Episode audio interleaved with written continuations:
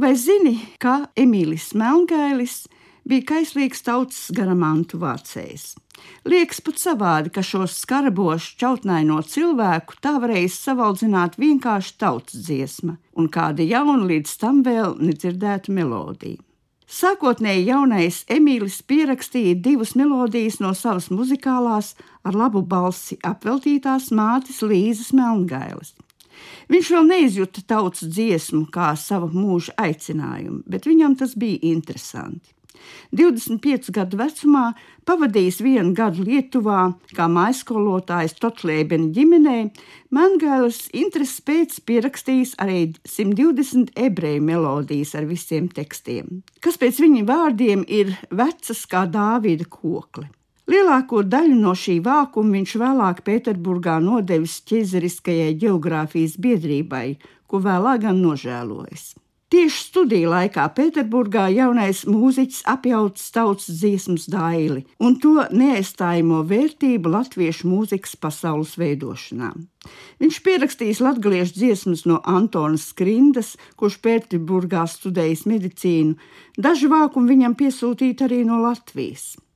Trims laikā Vidusāzijā kalnu apgabalā pie Taškentas Melngāles pierakstīja savdabīgās kirgīzu un uzbeku melodijas, bet gan tās muitas punktā atceļā uz Latviju konfiscētas. Kopš 1913. gada gandrīz katru vasaru Emīls Melngāls pēc melodijām devies arī uz Latviju. Sistemātiski ceļojumi pa dažādiem Latvijas novadiem gadu desmitus turpinājušies, kad 1920. gadā viņš atgriezies dzimtenē pavisam.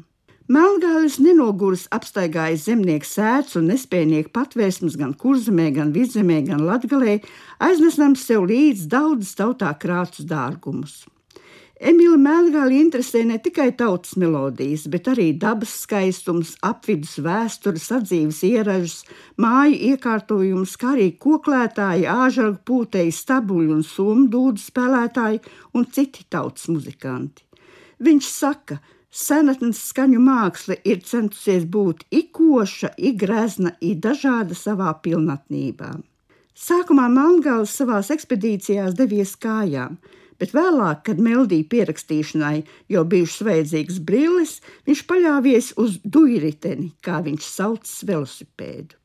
Tā kā parastajam ritenim melngājas bijis par smagu un to kalpošanas mūžs bijis īss, Ozolnieka velosipēdu fabrika, kas bija viena no vadošajām pirmskara Latvijā, uzkonstruēja komponistam īpaši celtspējīgu velosipēdu. Savas folklorista gaitas Emīlis Melngalis sulīgā sev vien raksturīgā valodas izteiksmē savulaik aprakstījis dažādos laikrakstos. Viņš stāsta par vidi, kurā tautas mūzikas smelta, apraksta vecās teicējas, viņu latvisko seno valodu, mājas, kurās iegriezies to iekārtu, visu apkārtnē raksturīgo. Sevišķi komponists iemīļojas kurzemes piekrasti, novadu, kas pēc viņu vārdiem kā bāstim piebāzts ar mūziku. Tomēr melodija pierakstīšana nevienmēr noritējusi gludi. Tā prasījusi gan laiku, gan pacietību, jo īstie teicēji bijuši cienījumā 80 līdz 90 gadu vecumā. Tad bija jāpielieto dažādas viltības, lai pamudinātu vecos ļaudis uz dziesmu teikšanu. Melngāles ņēmis palīgā gan glaimus un laipnus vārdus, gan kādu konfekti, bet visbiežāk pudelīti saldu šņabīšu. Ik kad tie ierēbuši no salda malka i pašu dziesmām, tad spēja tiek rakstīts, saka Melngālis.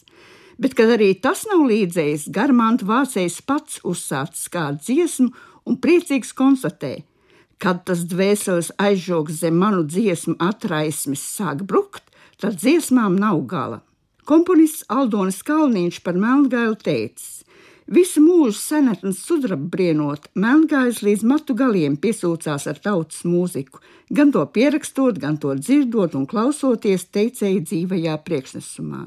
Dabiski, ka melngāļa kokli pati no sevis sāk skanēt kā no tautas mutes, ka viņa radītie oriģināli bija tautiskuma pārpilni.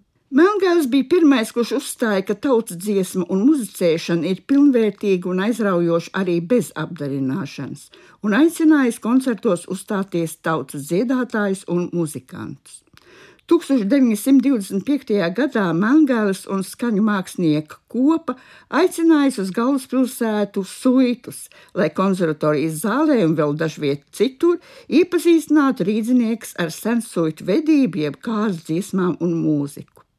Vēlāk Jau 1935. gadā pēc Viļa Lāča scenārija ir uzņemta filma Dzimtene sauc, kur atainots senās kāzu ierašas suitu novadā. Bet vēl pēc četriem gadiem suitas savu mākslu rādījuši pat Zviedrijā.